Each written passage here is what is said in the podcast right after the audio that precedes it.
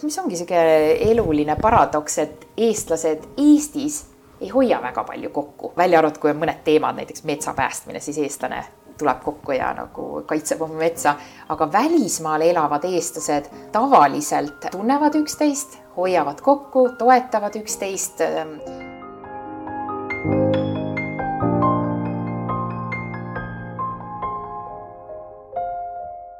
tervitused Tallinnast, minu nimi on Rainer Sterfeld ja te kuulate saatesarja Globaalsed eestlased, kus meie eesmärgiks on luua mälupilt sajast silmapaistvast Eesti inimesest üle maailma, üksteiselt õppida ning tuua meid teineteisele lähemale. on kaheksateistkümnes veebruar aastal kaks tuhat kakskümmend kaks ning mul on hea meel tutvustada meie tänast saatekülalist, kelleks on Diana Ots. Diana on lapsest saadik palju reisinud ning alates keskkoolist elanud suurema osa oma elust väljaspool Eestit, eh, esialgu perekondlikel põhjustel, seejärel vahetusõpilasena keskkoolis ja tudengina ülikoolides, hiljem erinevatel töökohtadel üle maailma. Eh, riskides nüüd välja jätta mõni riik, on ta elanud nii USA-s, Indias, Inglismaal, Prantsusmaal, Hollandis, Dubais ja tema karjääri algust iseloomustab ettevõtete ostu eh, ning konsolideerumise protsesside järel tekkiv organisatsioonide integratsiooni vajadus kes iganes on siis ostnud või müünud või osalenud kahe või enama organisatsiooni liitmisega, teab, et edukast integratsioonist sõltub üsna palju. ometi on ta paralleelselt olnud seotud Eestiga. paralleelselt oma töökarjäärile on ta Tallinnas asutanud ning üles ehitanud peamiselt tudengitele mõeldud rendikorterite ettevõtte Cool Rooms, mida kirjutatakse siis K-ga nagu Call Rooms ja mina tean Dianat peamiselt kui uudishimulikku ning rõõmsameelset inimest, kellega oleme kohtunud suviti. Eh, kui ma ise veel Californias elasin ja, ja Eestit külastasin ja kuigi mõlemad oleme elanud San Francisco lahe piirkonnas pea kaheksa aastat, siis tema lahkus sealt samal ajal, kui mina sinna jõudsin. nii et võib-olla see on siis selline huvitav kokkupuutekoht. et eh, selle pika sissejuhatuse lõpuks ongi mul hea meel siis tervitada saatesse, tere tulemast, Diana. aitäh, hea meel siin olla nüüd sinu, sinu lugu iseloomustab äh, tõeline selline mm, mitte lihtsalt reisimine, aga, aga sinu, sinu asukoht, sa oled leidnud ennast erinevatest maailmakohtadest ja, ja nagu sissejuhatuses mainisingi, et see on juba lapsepõlvest saadik, et räägi, äh, kirjelda seda keskkonda, milles sa kasvasid, kus sa sündisid, kus kasvasid kuidas toimus see, mis, mis põhjustel te pidite, sa pidid kogu aeg nii-öelda reisima ja, ja kes ja mis sind vormisid või, või mõjutasid mm.? ja ma arvan, et äh, see äh, lapsepõlves palju reisimine on äh, sellepärast, et mu isa on professionaalne tennisetreener, tennisemängija, noh, nüüdseks on ta kaheksakümmend pluss ja eh, mul isegi ema vist rääkis, et ma käisin Usbekistanis, kui, eh, kui ma olin tal kõhus veel ja isa, ütleme, esimesed viisteist aastat minu elust elas alati välismaal ähm,. Gruusias äh,, siis Saksamaal, nii et meie, minu venna ja emaga käisime alati tal külas, kas siis Gruusias või kaheksakümnendatel ja üheksakümnendatel Saksamaal. Nii et suved veetsime seal äh, nii et Gruusiaga mind seob niisugune tihe suhe, mul oli hästi raske autoõnnetus, kui ma olin viieaastane ähm,. ja kogesin võib-olla esimest korda sellist teadlikku äh, nagu abi äh, võõrastelt, sa alati arvad, et kodus sa saad kõige suuremat toetust ja armastust, aga äh, mu pere nägi, et noh, kui mul oli noh, täiesti eluohtlik äh, auto alla jäämine, kuidas selline soe teine kultuur võib, võib sind nagu kallistada ja sinu eest hoolitseda äh,. nii et jah, Gruusiaga oli niisugune side ja siis isa töötas kaheksakümnendatel äh, Saksamaal, nii et seal käisime alati külas ja no ikka olid võistlused kuskil äh,, kus ma sain siis kaasas ka, kaasas käia nii palju kui võimalik. nii et ma arvan, et sealt tuli äh,, isegi arvas, kindlasti sealt tuli selline rahvusvaheline kogemus ähm,. ja noh, võib-olla mulle, mul on hästi lähedane suhe, suhe, suhe oma isaga ja võib-olla üks, äh, noh, ma olen mõelnud selle peale, et üks selline, miks ma, miks ma alati mõtlesin, et võiks, äh, isegi ei mõelnud, et võiks ära minna, aga pigem selline uudishimu Eestist väljaspool asuva suhtes oli äh, ka see, et äh, isal noh, siin mitukümmend aastat tagasi oli võimalik talle vist pakuti ma ei tea, kolida või emigreeruda või tollal võib-olla see isegi oli, ma ei tea, põgeneda Austraaliasse, ma neid detaile ei tea, aga on alati olnud selline äh, igatsus, et kui sul on võimalik, et siis mine, nii et mul ema oli ka alati, et äh, tema tahab, et minu tiivad lendaks laiemalt ja Eesti on liiga, liiga väike, et tema tahab, et tema lapsed näeksid, näeksid maailma, nii et hästi varasest noorusest peale äh, mul on selline perekondlik toetus, et, et kui vähegi võimalik, mine, et me elame vabas maailmas, noh, ma olin kümme, kui Eesti sai vabaks. tänu sellele oli palju rohkem võimalusi ka minna, mida ütleme, minu vanemate generatsioonil polnud võimalik ja ema ka alati rääkis, et oi, ma oleks ikka võinud äh, nagu Soome kolida, aga noh, ei julgenud ka ja elu oli raskem, eks ei olnud nii elementaarne, et hüppad lennukisse, lähed elad kuskil mujal. nii et jah, selline peretoetus äh, välismaale minekus oli alati lapsepõlvest saadik olemas, mis ähm, noh, ma olen tänulik niimoodi täiskasvanuna sellise laia äh, maailmapildi mm -hmm. Kaasasaaamisega. kuidas, kuidas selline elukorraldus sinu äh, kooliteed äh, mõjutas?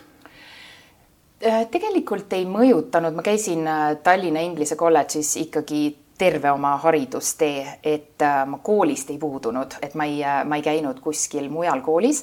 ma mäletan, et ema on rääkinud, kui me äh, pikemalt Saksamaal elasime, siis tal käis mõte läbi panna meid saksa kooli. Aga siis ta vist käis, käis vaatamas mõningaid koole ja see kuidagi ei tundunud, ma ei tea, õige või atraktiivne või sobiv, et noh, ikka oli võib-olla mingi hetk, et äkki peaks Saksamaale kolima, et noh, ikka pudrumäed on kuskil mujal suuremad. aga ja, et ma käisin ilusti Tallinna Inglise kolledžis kuni äh, ehk siis vanas seitsmendas keskkoolis ähm, kuni selle üheteistkümnenda klassini, kui ma Sorose Äh, stipendiumiga selle ühe keskkooli aasta läksin USA-sse tegema, nii et äh, mul ei olnud katkendlik mhm. koolitee selles. kas see oli avatud Eesti fond siis või?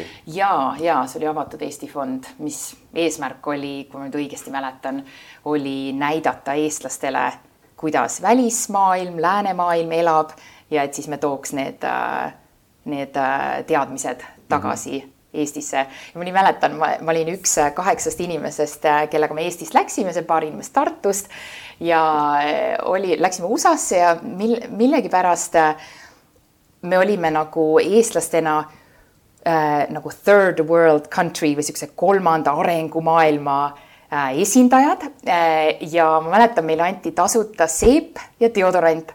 Ja noh, et tere tulemast Ameerikasse, et siin meie käime duši all iga päev ja kasutame deodoranti. Ja noh, mina sihuke praktiline sovjeti inimene, et tore, et tasuta, tasuta asjad sai äh,. aga ma mäletan, mul Eesti sõbranna oli väga solvunud, et mis nad arvavad, et meie siin Eestis, et meil pole jooksvat vett.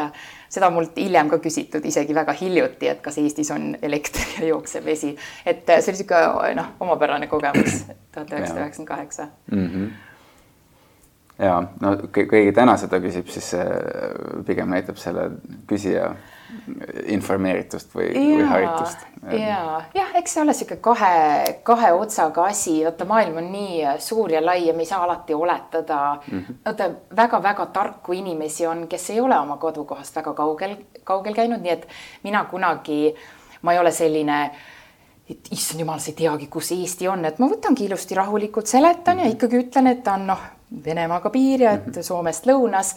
et äh, võib-olla tema lihtsalt elu, elutee ei ole teda nii palju reisima pannud, nii et ja. ma jah, liigselt ei, ei judge'i, kui keegi ei, ei tea. pigem ma kommenteerin seda, et kui sul on võimalik küsida ükskõik mis küsimus see, selle inimese kohta või kust ta tuleb et kui sa küsid, et kuule, kas teil on seal jooksev vesi, siis on mm,, sul seda. on võimalik küsida ükskõik mis küsimus ja yeah. sina otsustad küsida seda küsimust, et kui sa äh, lõpetad keskkooli ära mm,, mis on sinu äh, mõtted, valikud ja mida sa otsustad teha mm.? ja ma võib-olla isegi, inglise keeles öeldakse take a step back või mm -hmm. astun ühe sammu tagasi, et ma olingi äh, USA-s Eesti keskkooli üheteistkümnes klass, et veetsin terve äh, aasta, akadeemilise aasta Lõuna-Carolina osariigis, mis äh, noh, on niisugune jututeema eraldi, sest USA, USA on nii suur ja lai ja Lõuna-Carolina on selline no Ameerikas niisugused Bible Beltis, seal on noh, mustanahalised inimesed on kodus sul teenijad. ma käisin kristlikus koolis, kus iga hommik algas palvusega. ma elasin peres, kus me hoidsime käest kinni ja enne õhtusööki lugesime õhtusöögipalve. et see oli väga noh, teistmoodi mm -hmm. kogemus on ju, kui äh, Eestist sinna minna. kas see oli Charleston või? Äh, see oli Greenville, Greenville, mm -hmm. Greenville, South Carolina. Äh, ja siis ma tulin Eestisse tagasi, mul õnnestus niimoodi organiseerida, et ma ei pidanud üheteistkümnendat klassi kordama, läksin just kaheteistkümnendasse, lõpetasin Inglise kolledži ära mm. aga selle USA, miks ma seda mainin, miks see on nagu märgiline, et selle USA aasta jooksul mul ikkagi sai pilt selgeks, et ma soovin kindlasti USA-sse ülikooli minna. nii et äh, minu kaheteistkümnes klass Eestis saigi veedetud koos paari teise tuttavaga, noh, klassikaaslase ja koolikaaslastega, kes olid ka USA-s õppinud, kes soovisid ka ülikooli minna. et see aasta saigi veedetud neid äh, SAT teste tehes, TOEFLit äh,, English as a second language, kõik need testid ja USA-sse ülikooli kandideerimise, kogu see protsess, need esseed, mis sa kirjutad, üldse valida, mis ülikooli sa lähed. no vaata, eestlastena sa ei saa neid ülikoole läbi käia, sest ameeriklased võtavad kohe terve aasta-kaks ja nad oma peredega siis käivadki erinevates ülikoolides, et nagu tutvuda nende ülikoolidega. mina olin võib-olla kahes-kolmes ülikoolis käinud nii-öelda lampi, lampi valisin, kuhu, kuhu ma võiksin kandideerida, hästi strateegiliselt ma kandideerisin ühte äh, äh, nagu all women's ehk siis, kus on ainult naised äh, ülikooli Äh, siis Georgetowni, äh, sest ma alati tahtsin diplomaadiks saada ja niisugust välisteenistust õppida, äh, siis ühte Lõuna-Carolina ülikooli, kus mul see Ameerika pereisa töötas, et noh, ikkagi suhted mõjuvad ja siis ma valisin ühe Ivy League'i või selle luuderohu liiga koolist, ma ei arvanud, et ma elu sees sinna sisse saaks. ja siis tegelesingi nende avaldustega ja keskkooli lõpuks ma siis juba saingi teada, et ma olin Browni sisse saanud, nii et peale keskkooli see oligi nagu USA-sse minek, millest ma alati unistasin, see keskkooli aasta oli niisugune kingitus. nii et ikkagi läks hästi, ikkagi said Ivy League'i sisse? ja, ja, ja noh, ikka mul oli see California oli, unistus oli alati, et ma ikka vahepeal mõtlesin, et oh, transfeeriks äh, Stanfordi, aga ja, et Browni sain sisse, täisstipendiumi. nii et äh, see oli niisugune jumala õnnistus. no väga vahva. väga tänulik mis teemad sind ülikooli ajal huvitasid, mida sa, äh, mida sa valisid oma peavaldkonnaks mm.?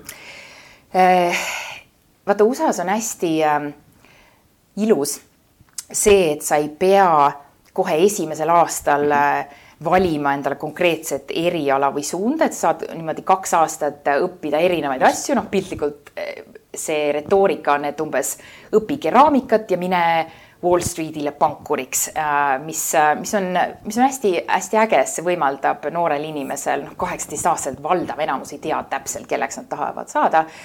nii et äh, ma lõpuks äh, tegin äh, topelt äh, major'i, kuidas on siis, topelt eriala mm. -hmm. üks oli rahvusvahelised suhted, mis on äh, natuke selline Nimiasseni rõõba, äh, et natuke poliitikat, natuke majandust, natuke diplomaatiat, äh, geograafiat, äh, selline üldine rahvusvahelised suhted. Ja siis ma tegin, kuna Brown nendest Ivy League ülikoolidest on kõige selline anti-business või selline äri, mitte vastane, aga nad on rohkem sellise kultuuri ja loovate asjade pooldajad, nii et see oli kõige ärisuunalisem kraad, mille üks professor lõi, mille nimi oli era- ja avaliku sektori haldamine. nii et tegin niisugused kraadid mm. -hmm. just sellepärast ma küsisingi, et mis see peavaldkond on, sest ma ei tahtnud kasutada inglisekeelset sõna major. Major jah, valdkond, ma kohe kirjutan üles. kaks sa tegid siis topelt. jah. Mhm, see oli päris huvitav, see noh, neid, neid asju on äh, päris äh, hea kuulata, kuidas inimesed nagu lähevad äh, ülikooli ja nad ju ei tea, äh, kelleks nad tahavad saada või mis mm -hmm. neid huvitab, alles siis hakkavad avastama versus see, mis näiteks meil Eestis on, et sa valid oma eriala ära ja mulle alati on ka sümpatiseerinud pigem see ameerikalik süsteem rohkem, et, et, et võimaldada inimestel natukene uurida ennem kui, sest sul ei ole üldse mm aega peale keskkooli lõppu uurida, eks. jaa, täpselt ja. et selles suhtes mul on hästi hea meel, et ma ei pidanud Eestis ülikooli minema, sest noh, kaheksateist aastaselt täpselt teada, mis teaduskonda kandideerida mm -hmm. ja mis tööd sa hakkad äh, tegema.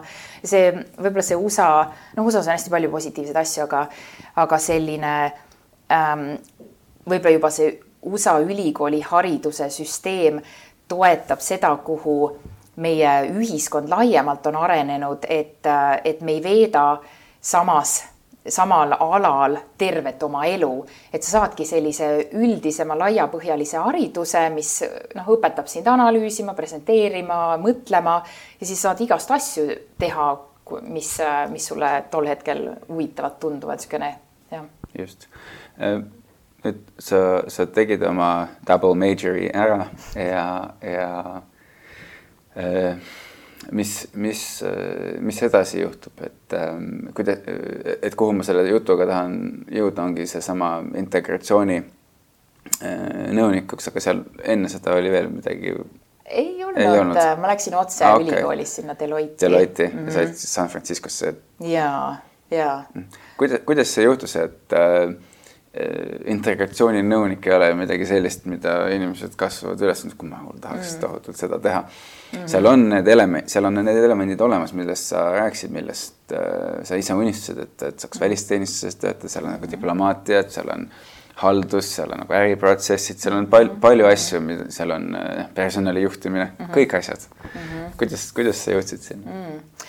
ja see tegelikult äh, läheb natuke selle teemaga kokku, et äh, et USA sellised suured firmad, kas need on siis noh, mina läksin Deloitti äh,, aga ka pangad, ma intervjueerisin Goldman Sachsis vist ja äh, Morgan Stanley's, sest äh, tihtipeale nendest tippülikoolidest välja tulles hästi paljud äh, koolikaaslased tahavad saada kas konsultandiks või investeerimispankuriks ja nüüd mina ikka mõtlesin ka, et ma investeerimispankur kõlab päris hästi.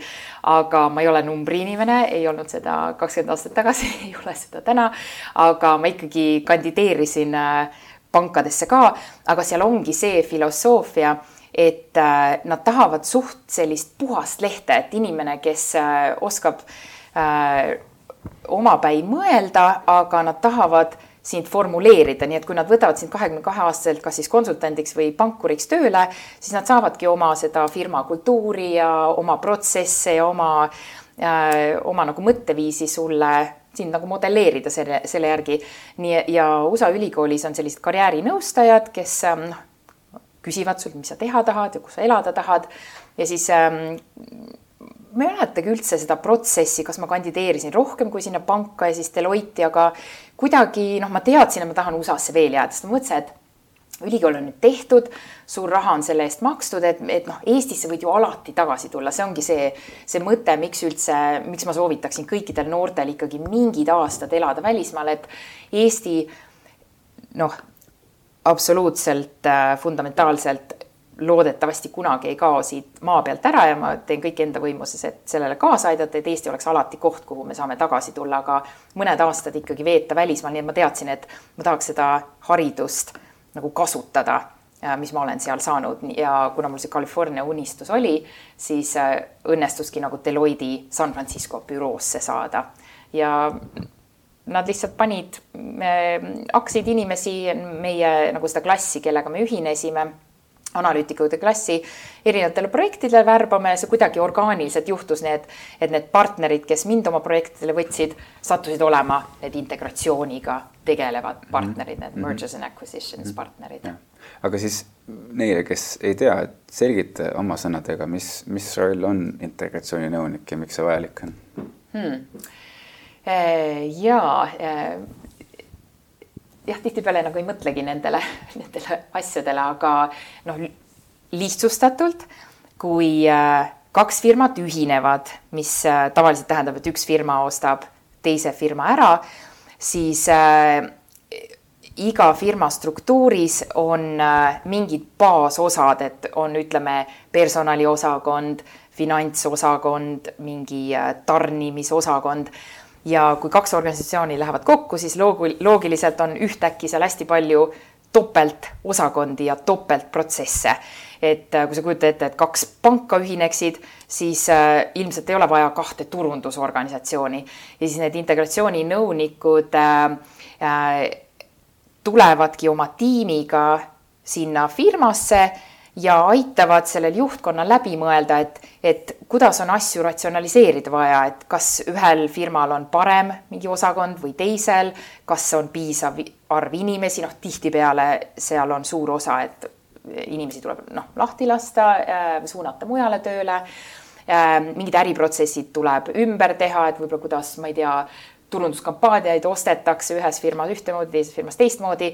et meie siis Deloitte tiimina, et noh, ma toonitan, ma ei ole kunagi üksinda, vaid Deloitte'is või nendes konsulteerimisfirmades ei ole kunagi üksinda nendes tiimides, et seal on nagu partner, mitu mänedžeri, analüütikute, trobikond, seal võib, ma ei tea, viiest inimesest kuni kolmesaja inimeseni olla.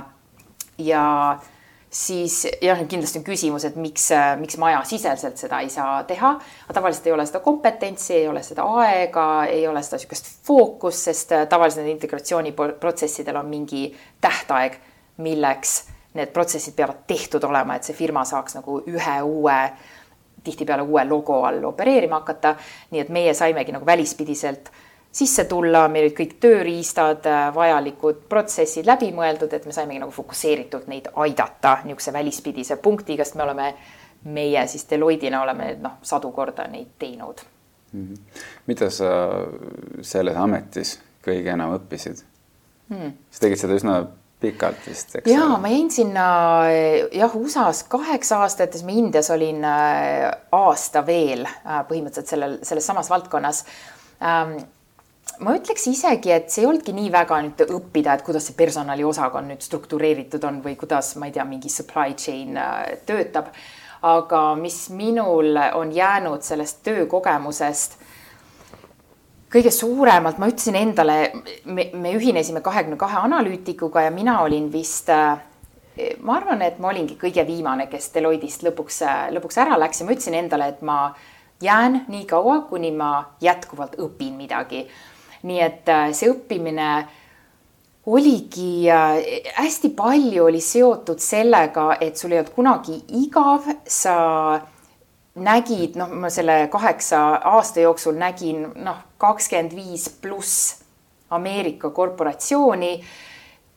me tihti valdavas enamuses töötasime tippjuhtkonnaga ja ma nägin nii Deloitte neid partnereid, kes on noh, fenomenaalsed liidrid ja juhid. Ja nägin ka nende klientide tippjuhtkonda ja kuidas nad mõtlevad, kuidas nad inspireerivad, kuidas nad kommunikeerivad, kuidas nad motiveerivad äh,, kuidas nad juhivad. Ja seda oli, mind hästi huvitab psühholoogia niisuguse kõrval, kõrvalvaldkonnana ja seda on tagantjärele nii inspireeriv näha, kuidas, kuidas need firmad, kuidas neid firmasid juhitakse, et see oli minu kõige suurem õppetund, mitte nüüd, et kuidas neid mingid mhm. benefits package'id seal kokku pannakse, et nähagi sellist juhtimisfilosoofiat nii lähedalt ja -hmm. ja üldse seda, seda teemat, et äh, et inimesed on vahel erilistel positsioonidel, aga ka tippjuhid on lõppude lõpuks tavalised inimesed oma tavaliste igapäevamurede ja rõõmudega.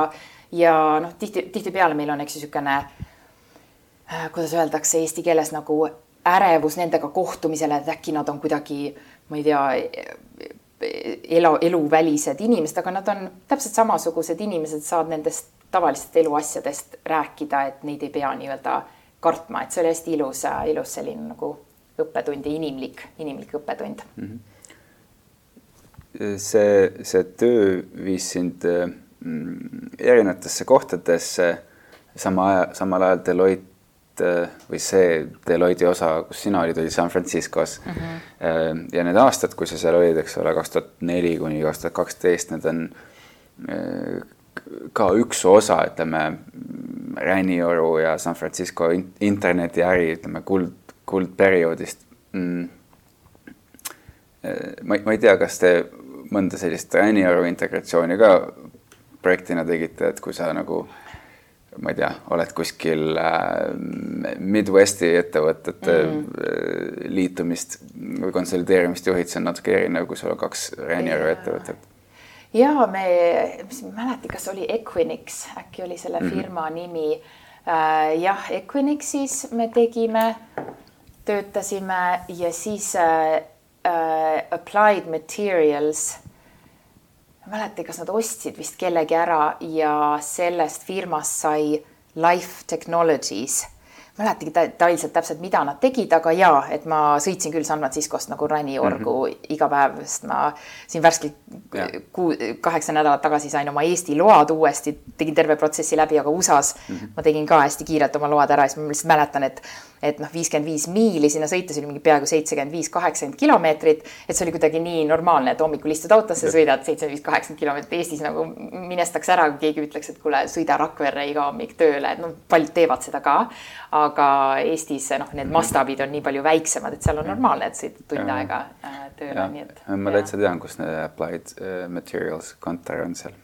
Sunnyvale'is, Sunny yeah., Sunnyvale'i ja Cupertino vahel õigemini. Äh, aga mm, kirjelda natuke seda San Francisco õhustikku neil aastatel, et mm. sa peamiselt tegeled teist tüüpi ettevõtetega, siis sa elad keset, ütleme, Reniorgu mm. -hmm. ma ei tunnetanud seda, et on mingi internetibuum, et minu jaoks ma ikkagi nagu fokusseerisin, ma tulin kahekümne kahe aastaselt Idaranniku ülikoolist, kolisin San Franciscosse ähm, alustasin selle kahekümne kahe analüütiku grupiga, nemad, nendest said ka minu esimesed parimad sõbrad.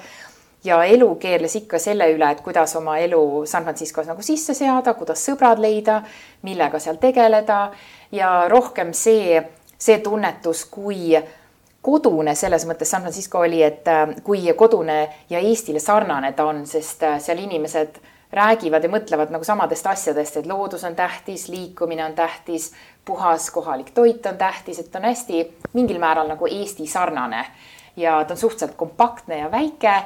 nii et äh, jah, ma kuidagi, kas see on siis hea või halb, aga kogu see internetibuum läks minust nii-öelda mm -hmm. mööda, sest noh, ma elasin oma Deloitte elus ja mu kliendid olid, kes iganes nad seal mm, -hmm. seal olid jah, et ma väga ei puutunud kokku nende Facebookide ja Google'ite mm -hmm võidujooksuga seal mm.. siis, siis äh, nagu sa juba enne mainisid, et sa tegid seda kaheksa aastat äh, seal San Franciscos, siis sattusid Delisse, kus olid ühe aasta mm, -hmm. mis sind sinna viis? Ja äh, jah, ja täpsustan, et selle kaheksa aasta jooksul selle Deloitte äh, ärimudel on, on ikkagi selline, et sa alati lendad või siis sõidad kliendi juurde, nii et selle kaheksa aasta jooksul ma olin mis iganes, Chicagos, New Yorgis, Seattle'is äh, kaks aastat sõitsin iga esmaspäeva hommik kella kuues, kell kuus hommikul lennukiga San Diegosse, et seal ühte, ühte klienti äh, nõustada. Et äh, jah, et ma ei olnud alati paigal, et esmaspäeva hommikul lendasin kliendi juurde ja neljapäeva õhtul lendasin tagasi, siis need kolm päeva olin, olin San Franciscos, nii et see, see elu ei olnud kunagi sihuke hästi nagu rutiinne ja, ja ei olnud liigselt stabiilne. Aga Indiasse viis mind äh, eraelu, ma käisin ühes äh, pulmas Indias ja kohtusin oma tulevase peikaga ja siis ma mäletan, ma olin ühe Eesti pere juures, noh, väga-väga palju vanemad inimesed, kes olid Eestist noh, põgenenud sõja ajal. ja muidugi ma mõtlesin, et kas ma ikka noh, jätkan siis Ameerikas olemist, oma Ameerika unistuse väljaelamist või lähen siis Indiasse ja siis see naine ütles, et, et tööd, et sa oled intelligentne inimene, tööd saad igal pool teha, aga armastust igal pool ei leia. et, et mine, mine vaata ära, et see oli sihuke huvitav, huvitav vaatepunkt, et jah, tööd me saame tõesti igal pool teha. ja üks teine, mäletan, meesterahvas, kolleeg sest mul ikkagi nagu pikalt seedisin, et kas minna või mitte minna ja see mees äh, andis mulle sellise ilusa metafoori, mis mul on eluga kaasas käinud, mis mulle hästi-hästi meeldinud. ta ütles, et vaata elu nagu raamatuna, kus on erinevad peatükid ja mine sinna Indiasse, kirjuta see India peatükk, et võib-olla sellest saab hästi lühike peatükk, võib-olla sellest saab äh, su elu kõige ilusam peatükk ja kõige huvitavam. aga mine vaata see ära, sest lõpuks sa tahaksid elada niimoodi, et kui, äh, kui su nagu päevad on loetud ja see raamat on lõpus, et siis võikski niimoodi elada, et, et vau wow,, et see oli superäge raamat, mis ma just lugesin. siis mõtlesin, et okei okay,, davai, et ma võin äh, küll siin äh, San Francisco siin palmi, palmide all käia jooksmas ja äh, joogat teha ja käia Patagonia North Face riietega brunch'il, nagu kõik teised seda teevad, aga noh, mine tea, midagi on juba proovitud USA-s, et lähen vaatan, mis seal Indias siis on, et täpselt nagu Eestis mööda Pirita teed kooli minnes ma alati vaatasin neid laevu, et mis seal, kuhu nad lähevad, need laevad, mis seal teisel pool vett on, et ma tahtsingi vaadata, et vaatame, mis seal Indias siis on. ja seal sa olid aasta aega alguses, sest sa jõuad sinna pärast, me jõuame sinna pärast tagasi. ja ma lõpuks jäin aastaks, noh, ma plaanisin, eks ju, minna, et äh, seda suhet mm, -hmm. suhet nagu elada mm. -hmm. Ähm, mul õnnestus oma töö transfeerida, mis äh, noh ta,, tagantjärele vaata, eestlane tavaliselt ei kiida ennast, aga ma selle, selle koha pealt isegi imetlen oma sihukest äh, järjepidevust ja nagu nui neljaks millegi saavutamist, et ma olen äh, nüüd, mida vanemaks ma saan, see on selline saavutamishimu on kindlasti hästi palju väiksemaks läinud, aga aga ma teadsin, et ma tahan sinna Indiasse minna nagu nui neljaks, ma lihtsalt network isin, rääkisin iga jumala juhiga, kellega oli vaja rääkida ja noh, organiseerisin, et mind siis transferitaks Deloitte sees Indiasse ja tagantjärele vaatan, et see oli ikka see oli päris suur asi, ma ei tea eriti inimesi, kes on niisugust asja teinud, tavaliselt inimesed lähetatakse ja nagu sunnitakse mhm. minema, aga ma nagu organiseerisin omale selle võimaluse ja siis läksingi, aga jah, et ma peale ühte aastat liikusin edasi erinevatel põhjustel, millele jõuame ähm,. aga jah, plaan oli sinna nagu pikemaks, pikemaks minna mm. -hmm. kui ma räägin erinevate inimestega, siis, siis on selge, et neil on selliseid äh, suuremaid elukogemusi äh,, mida võib pidada nii-öelda teiseks ülikooliks äh,. Need ei pea olema alati pikkusest äh, kantud umbes nagu Deloitte üheksa-aastane periood, aga ma ikkagi selles mõttes küsin, et noh, et, et, et need on sellised kogemused, mis mm, kus toimuvad mingid murdepunktid või arenguspurdid, kui mm. nii võib öelda, et kas Deloitte oli midagi sellist, mis seda sulle pakkus hmm.?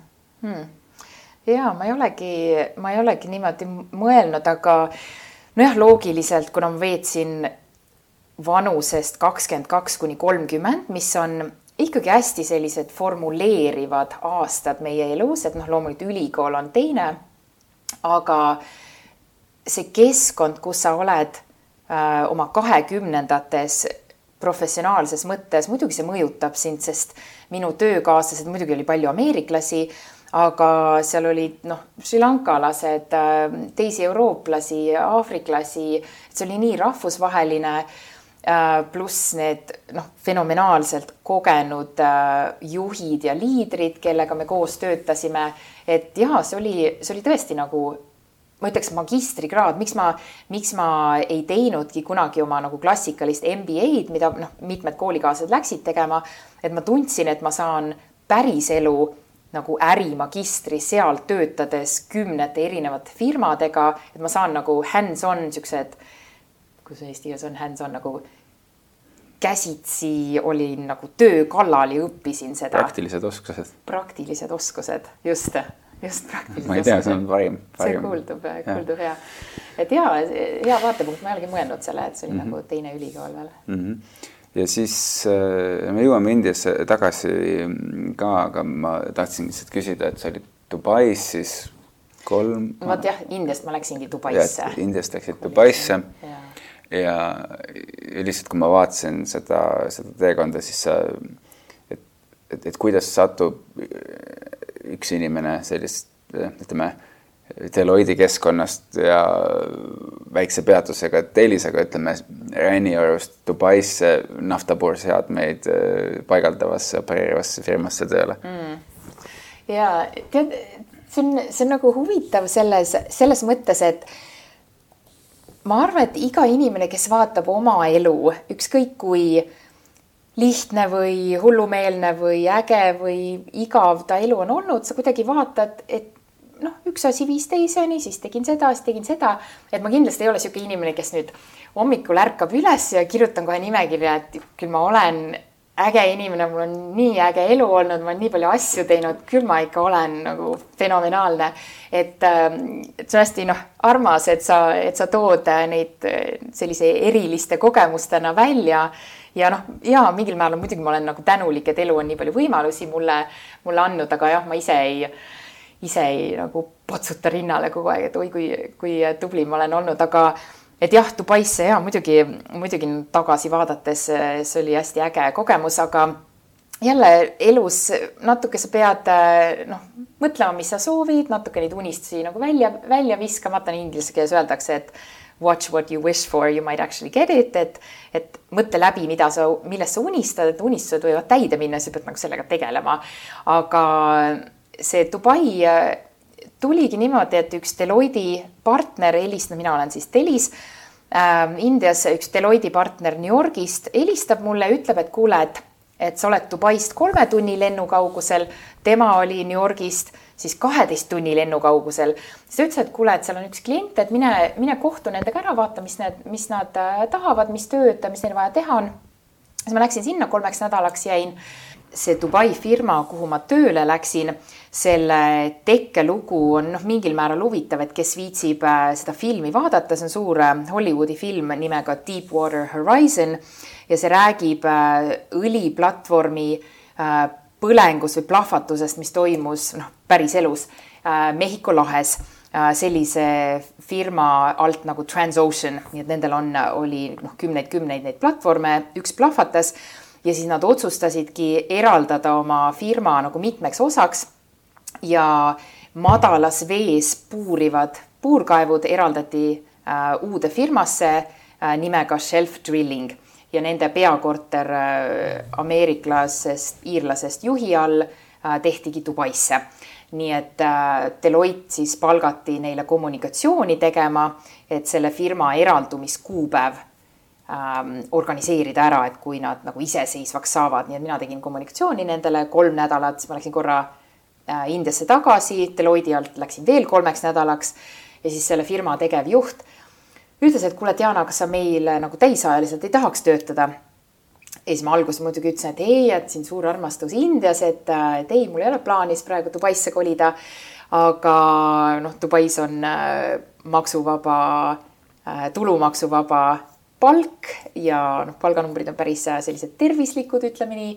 Ja siis ma mõtlesin ka, et mul siin Eestis kodulaen, et äh, saaks mõned laenud ära maksta, et äh, okei okay,, et ma siis lähen ühinen nendega, nende tiimiga üheks aastaks.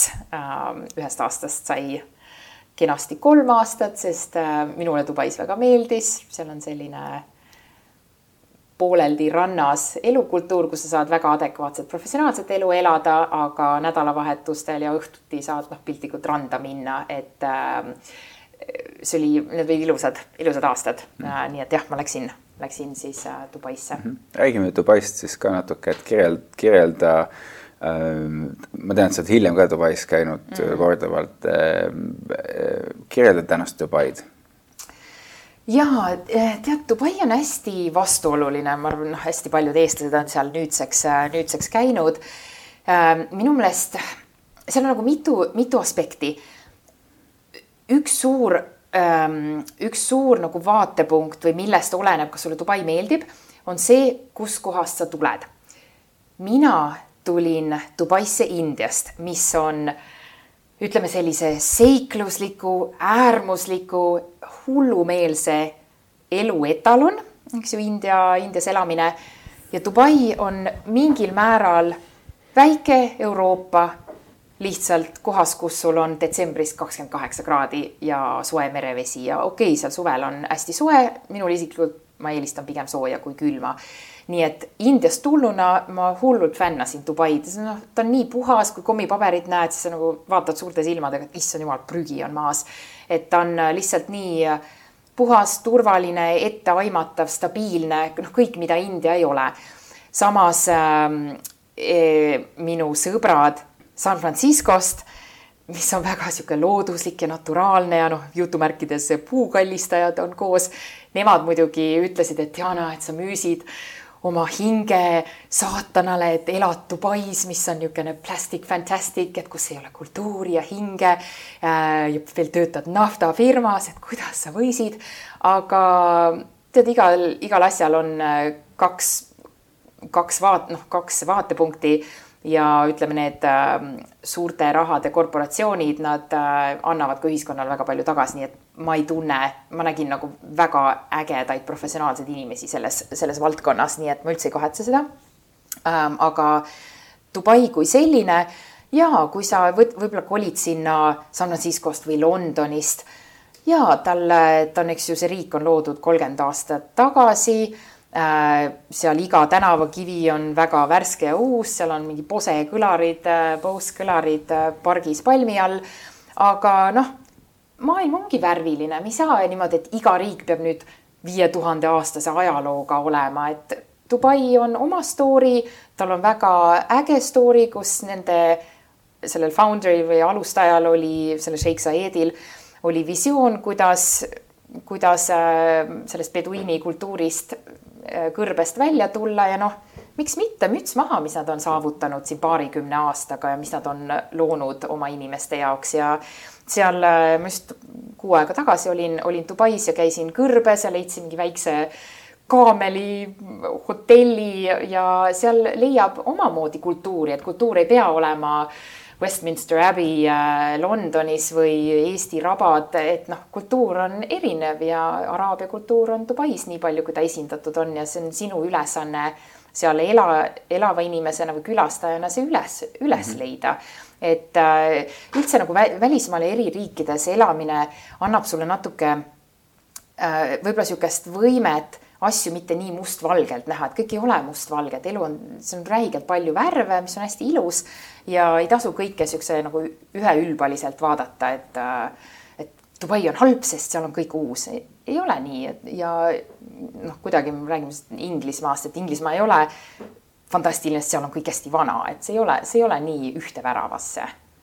no kahtlemata Dubai on äh, asutamise äh, lugu või nagu asutaja lugu, eks ole, et ähm, et on värske, et seetõttu me teame seda asutamise lugu. Äh, ükskõik, kas see meeldib või ei, ei meeldi, see on juba täitsa teine teema.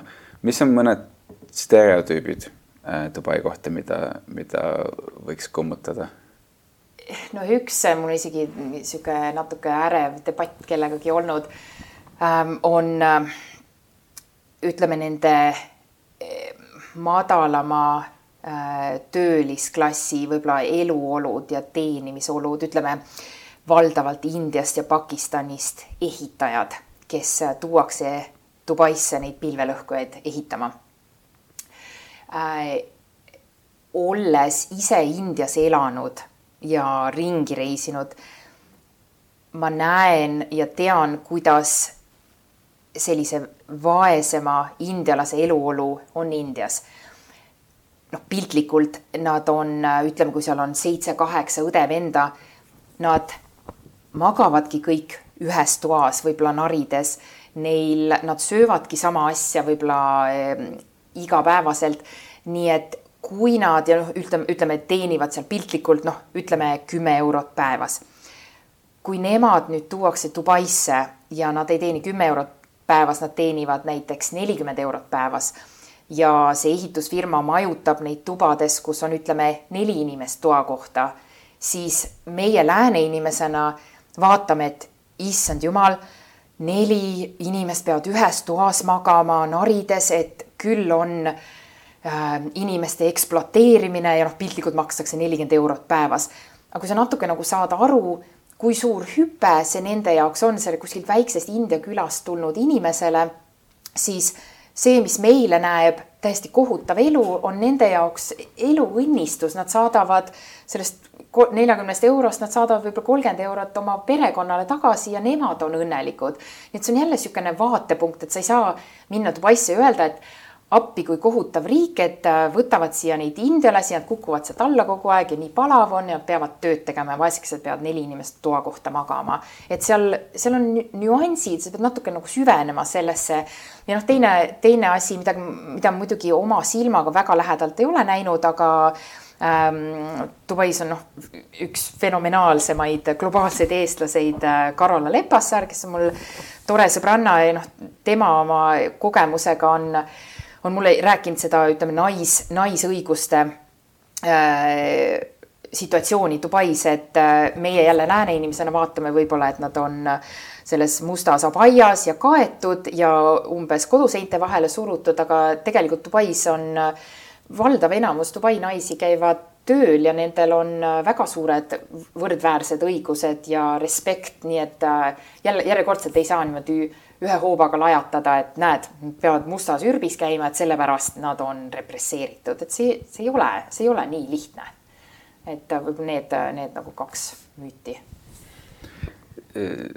nüüd Dubaisse läksid tagasi Delhisse, aga seekord töötamaks Eesti Välisministeeriumi heaks, et mis, mis tõmbas sind riigisektorisse või siis võib-olla on õigem küsida jälle, et, et kuidas see juhtus ja see oli natuke, see oli natuke niimoodi planeeritud või organiseeritud. Äh, äh, ma läksin, äh, ma tegelikult tulin Dubaist ära, ma terve selle aja, kui ma Dubais olin, ma olin oma kaasaga ikkagi suhtes, tema küll ei tulnud Dubaisse.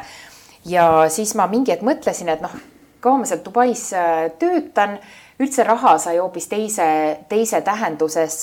mingil hetkel, noh, ma olen selline hästi lihtne inimene, mul ei ole suured Äh, kulutused ma, kas ma teenin viissada eurot või viis tuhat eurot kuus ma tarbin, tarbin ikkagi nagu väga mõistlikult ja lihtsalt, et see on kuidagi niisugune perega niisugune asjade või noh, raha väärtustamine, et see ei kasva puu otsas, et ma olen ise oma raha teeninud, et ma, ma ei ole niisugune laristaja.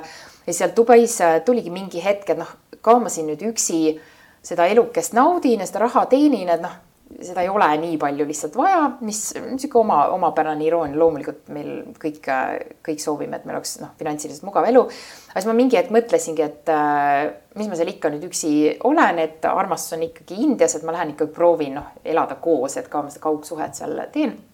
ja siis äh, läksingi Indiasse tagasi, ma kohe ei läinud tööle aga eh, siis ma mõtlesin, et, et ma tahan ikkagi nagu kodust, kodust välja elada, sest mul see Eesti kinnisvarafirma tiksus läbi, läbi nende aastate kogu aeg, nii et seda ma sain omal käel edasi teha. aga siis mul oligi kolm hästi sihukest planeeritud konkreetset äh, põhjust, miks ma mõtlesin, et nii, ma olen Telis, mitte Mumbais, Telis on Eesti saatkond. et äh, miks ma tahaks sinna tööle minna, et esiteks mul oli lapsepõlvest saadik see diplomaatia unistus, eks ju, Georgetowni ma ei saanud sisse ähm,. oli niisugune, et tahaks käia tähtsatel vastuvõttudel, panna pärlid kaela ja kõlistada šampuseklaase ja suhelda hästi rahvusvaheliste inimestega, mis okei okay,, Deloittes tegelikult sain selle ka, aga noh, tahtsin seda diplomaatia valdkonda näha. et see oli nagu üks põhjus. selleks ajaks ma olin Eestist ära elanud noh, viisteist pluss aastat, et ma ikkagi tahtsin Eesti jaoks töötada, mitte mingi Dubai naftafirma või Ameerika korporatsiooni, et ma kuidagi tahtsin, et need üheksa töötundi päevas oleks minu kodumaa arendamiseks. et äh, jah, see oli äh, teine põhjus. ja kolmas põhjus mul hetkel ei tulegi meelde ähm,. lihtsalt ilmselt ennast nagu professionaalselt äh, teostada.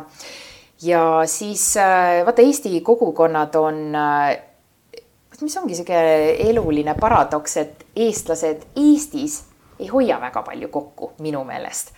aga välja arvatud, kui on mõned teemad, näiteks metsa päästmine, siis eestlane tuleb kokku ja nagu kaitseb oma metsa, aga välismaal elavad eestlased tavaliselt äh, tunnevad üksteist, hoiavad kokku, toetavad üksteist äh, ja äh, noh, hoiavad kontakte ja ma teadsin noh, eelmist äh, Eesti saadikut Indias, Viljar Lubi, kes on fantastiline äh, ja teadsin siis äh, Riho Kruuvi, kui tema sai saadikuks ja neid töötajaid seal saatkonnas ja siis ma läksingi küsima, et kas teil on veel töötajaid vaja, et kas ma saaks kuidagi kasulik olla. ja siis üks asi viiski teiseni, nii et ma sain nagu haldusspetsialisti, haldusspetsialistiks ähm, saatkonnas ja -hmm. sain, sain seda kogemust seal mm -hmm.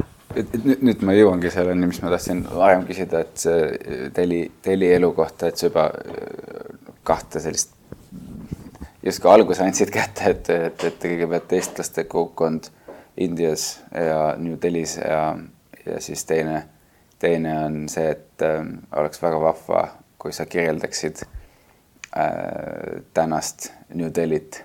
Mm ja oh, sellest saaks kohe kakskümmend tundi podcast'i teha. aga.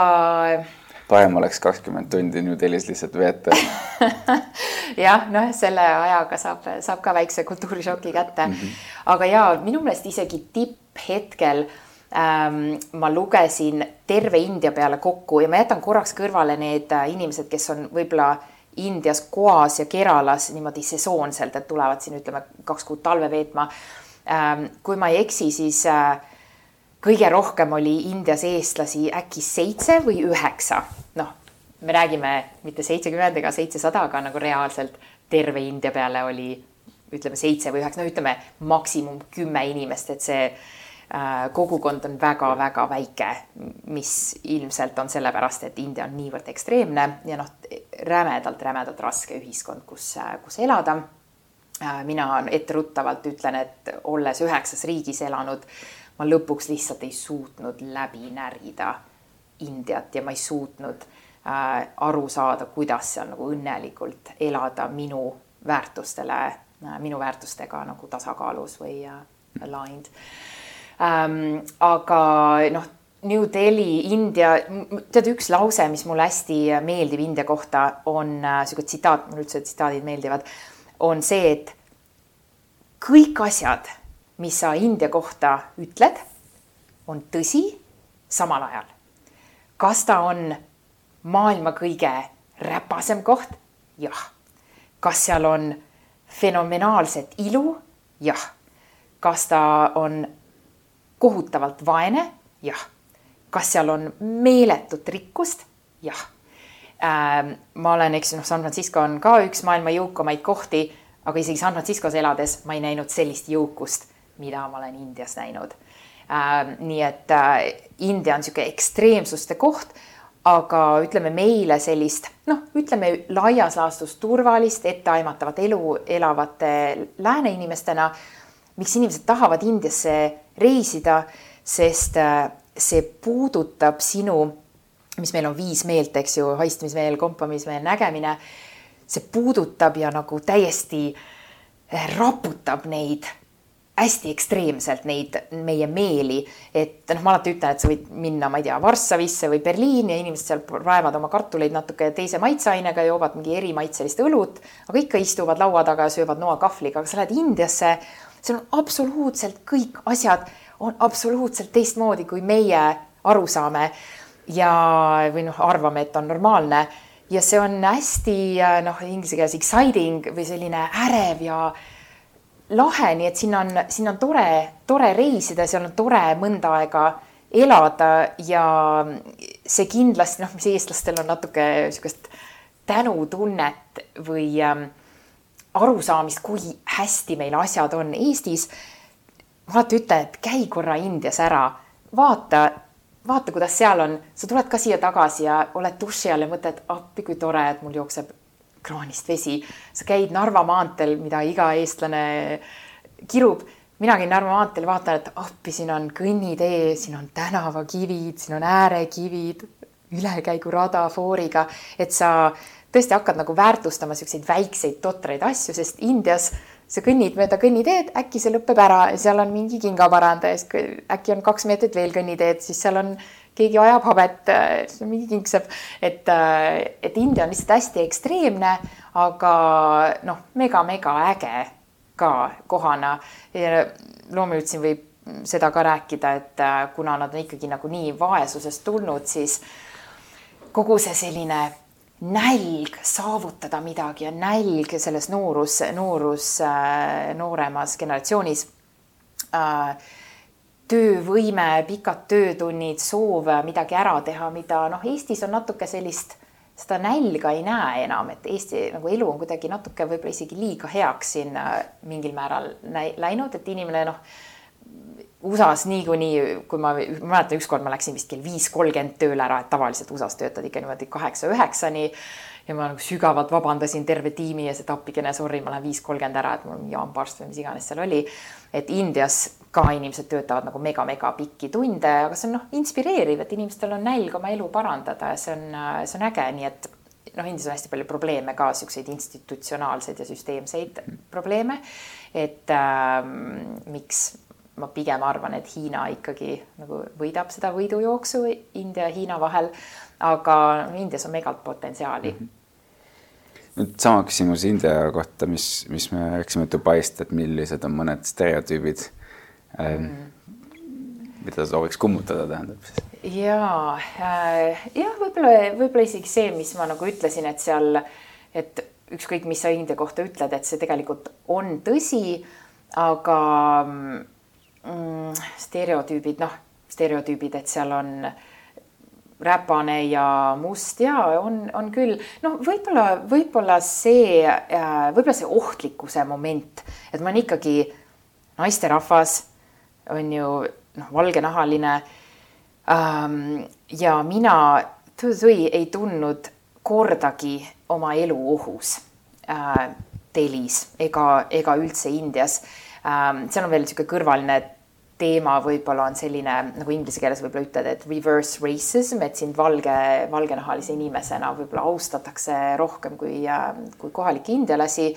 aga ikkagi ta ei ole, ta ei ole nii ohtlik kui meie meedia, mis ikkagi noh, siuksed jutud, et oi, tore vanaema praeb äh, kartuleid ja müüb neid kuskil tänavanurgas. see lugu ei müü, müüb see lugu, kus äh, on mingi vägistamisjuhtum ja siis kõik räägivad ainult sellest äh, ühest asjast, et loomulikult, kui sa lähed nendesse väikestesse küladesse, kus noh, tõesti ei ole elektrit jooksvat ette ega internetti, siis jaa, muidugi seal on äh, need siuksed tribal culture või siuksed vanemad hõimud, kus asju tehakse teistmoodi, aga ja, ja ma absoluutselt ei õigusta neid asju.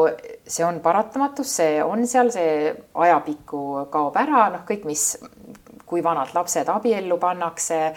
aga jah, samad asjad on, eks ju, Aafrikas ja ma absoluutselt pooldan, et India tuleb nagu kaasaega ka, aga mm valdav enamus siiski ei järgi mingeid tagurlikke äh, traditsioone seal, et, et selles suhtes ei saa öelda, et terve India nüüd kogu aeg vägistatakse naisi iga päev, noh, see ei ole niimoodi mm. -hmm. et võib-olla see stereotüüp praegu taipasin, et ma unustasin äh, selle Eesti kogukonna küsimuse Dubai kohta täitsa, täitsa küsida. Mm.. Ähm, et, äh, et kui Indias on seitse või üheksa inimest ja, ja, ja, ja ma just rääkisin ähm,, tegin salvestuse Martin Lazareviga, kes elab Brasiilias, kus ta ütles, et on kakskümmend. nii et neil on kaks suurt riiki maailmas, kus on tõesti väga vähe mm. Eesti inimesi mm -hmm. ja, ja, ja Delhi, vabandust, Dubai äh, ei ole suur koht mm -hmm.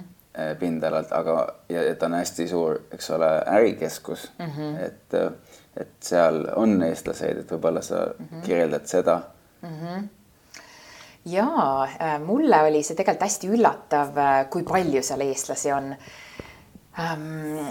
see aeg, ma mäletan, kui ma seal elasin, siis äh, Taavi Rõivas käis seal visiidil ja kuna Siim Sikkut on mul hea tuttav, siis ähm, Siim paluski, et ma organiseeriks sellise kohalike eestlaste nagu ürituse, et äh, Taavi Rõivas saaks, ähm, saaks meiega nii-öelda kohtuda. minu meelest tollal oli äkki, see oli siis kaks tuhat, ma ei tea, kolmteist, neliteist Äh, kui ma nüüd õigesti mäletan, ametlikult ma sain vist nimekirja, kus oli mingi kolm-nelisada eestlast, aga äh, juttude järgi seal tollal oli kuskil tuhat eestlast. nüüd on, eks ju, kaks tuhat kakskümmend kaks. ma olen kuulnud, et äh, eestlaste arv Dubais on isegi kahe tuhandeni tõusnud, et seal on üllatavalt palju eestlasi mingil, mingil määral see kogukond hoiab, noh, loomulikult kaks tuhat inimest ei saa kõik kokku hoida, aga ikkagi eriti inimesed, kellel on lapsed, seal äh, üks sõbranna vedas niisugust Eesti, Eesti kooli seal lastele, et see Eesti kogukond ikkagi käib, käib läbi, mis on, mis on hästi tore, aga noh, vaata nende välismaal elavate eestlastega on selline ähm, kuidagi lugu, võib-olla ma ütlen, et, et see hästi, see läbikäimine oleneb hästi palju sellest, mis põhjusel inimene Eestist ära läks. on äh, ka minu väga heade sõbrannade hulgas on inimesi, kes äh, noh, näiteks üks, üks sõbranna läks Ameerikasse samal ajal õppima kui mina ta on Eestist väga vaesetest äh, oludest, ta isa poos ennast elutuppa üles, ta ema on noh, väga-väga madala, madalapalgaline.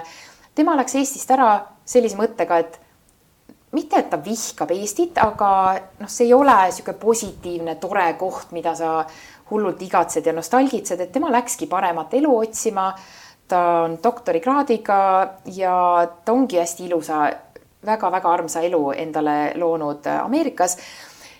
nii et ongi see kontingent, kes läks ära niimoodi, et ma ei taha nii-öelda Eestist midagi teada ja nemad võib-olla ei otsi seal nüüd iga, iga laupäev, et kus keegi teine eestlane on, kus me saaks, äh, ma ei tea, Aktuaalset Kaamerat vaadata, kotleti praadida ja nagu nostalgitseda. ja siis on teised inimesed, kes on võib-olla läinud õppima või tööle, kellel on ikkagi Eesti hästi aktiivselt südames ja nemad, nemad võib-olla otsivad neid teisi eestlasi ja tahavad rohkem läbi käia. nii et ma nagu eristan, eristan neid inimesi, äh, et jah, mis põhjusel keegi on Eestist ära läinud. et äh, jah, ma arvan, et ja noh, Indias muidugi neid, need üheksa inimest, meid oli nii vähe, siis loomulikult sa nagu nimepidi tead kõiki ja mina olen, ütleme sihuke tüpaažilt selline ühendaja. Loomulikult ma kutsusin nad umbes iga kuu endale korra külla, et kõik üle vaadata, et jah, ükskõik kus ma olen elanud, see on, see Eesti kogukond on selline kõige esimene ähm, allikas, kust endale mõni sõber leida ja noh, sealt saad oma sõpruskonda edasi arendada, aga mulle on alati meeldinud eestlasi üldse inimesi külla kutsuda, inimesi ühendada, et minu aju töötab niimoodi, et, et näiteks ma kohtun sinuga, siis mul on kohe niimoodi, ahah, et sa tegeled nende kolme asjaga, siis ma tean, et ahah, ma tean, et Peeter tegeleb ka, et tal oleks huvitav suhelda, et ma, minu nagu aju tahab inimesi ühendada, et nendel oleks niisugune suurem sümbioos. Ja jah, ma olen seda kuidagi naturaalselt välismaal ka teinud, ma saan naudingu sellest. Räägime sinu äh, sellisest ettevõtja osast.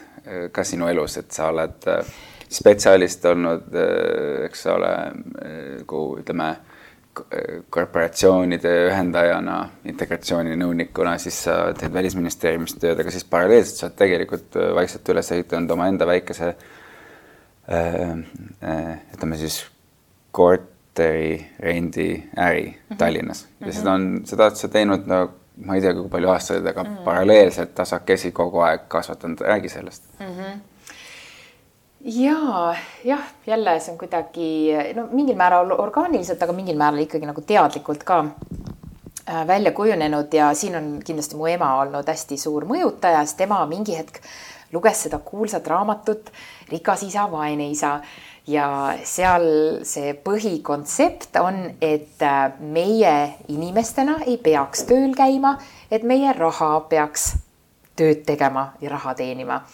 Ja siis mul ema, noh, mina seal töötan välismaal ja käin ilusti palgatööl ja siis ema ikka ütles, et noh, kaua, kaua sa ehitad kellegi teise unistusi, et äh, kaua sa palgatööl käid, et äh, noh, nagu ma enne mainisin, ma elan suht kokkuhoidlikku elu, et äh, ma investeeriks selle raha, mis ma teenin, kas siis USA-s või Dubais, et äh, investeeriks millessegi, näiteks kinnisvarasse, mida, millesse, millest ma, mida ma mõistan, millest ma aru saan. Et äh, noh, paljud eestlased on, eks ju, kinnisvarausku tänapäeval. Ja siis saigi siin paar korterit äh, niimoodi aastate jooksul ostetud Tallinnasse ja nüüdseks jah, ma üürin neid niimoodi, nad ongi niimoodi struktureeritud, et seal on köök, vannituba, WC ja eraldi toad ja ma üürin, üürin neid tubade kaupa välja ja kuidagi äh, lihtsalt on kujunenud niimoodi, et et need minu üürnikud on tavaliselt Erasmuse vahetusüliõpilased valdavas enamuses prantslased, kuna ma räägin prantsuse keelt, kui ma õppisin ülikoolis ühe aasta Prantsusmaal. nii et äh, kuidagi see klienditeenindus nendega on hästi orgaaniline ja, ja nii et jah, see on kuidagi kõrvalt niimoodi arenenud, aga ma ei loe ennast mingi suureks ettevõtjaks, et see on niisugune one woman ja. show. ei, see on ju äh, väga tubli. Äh, jah, see, mida sa ennem ütlesid just siin, et, et sulle meeldib äh, inimesi kokku tuua ja, ja, ja võõrustada ja, ja, ja nii edasi. Rääkisid diplomaatia huvist.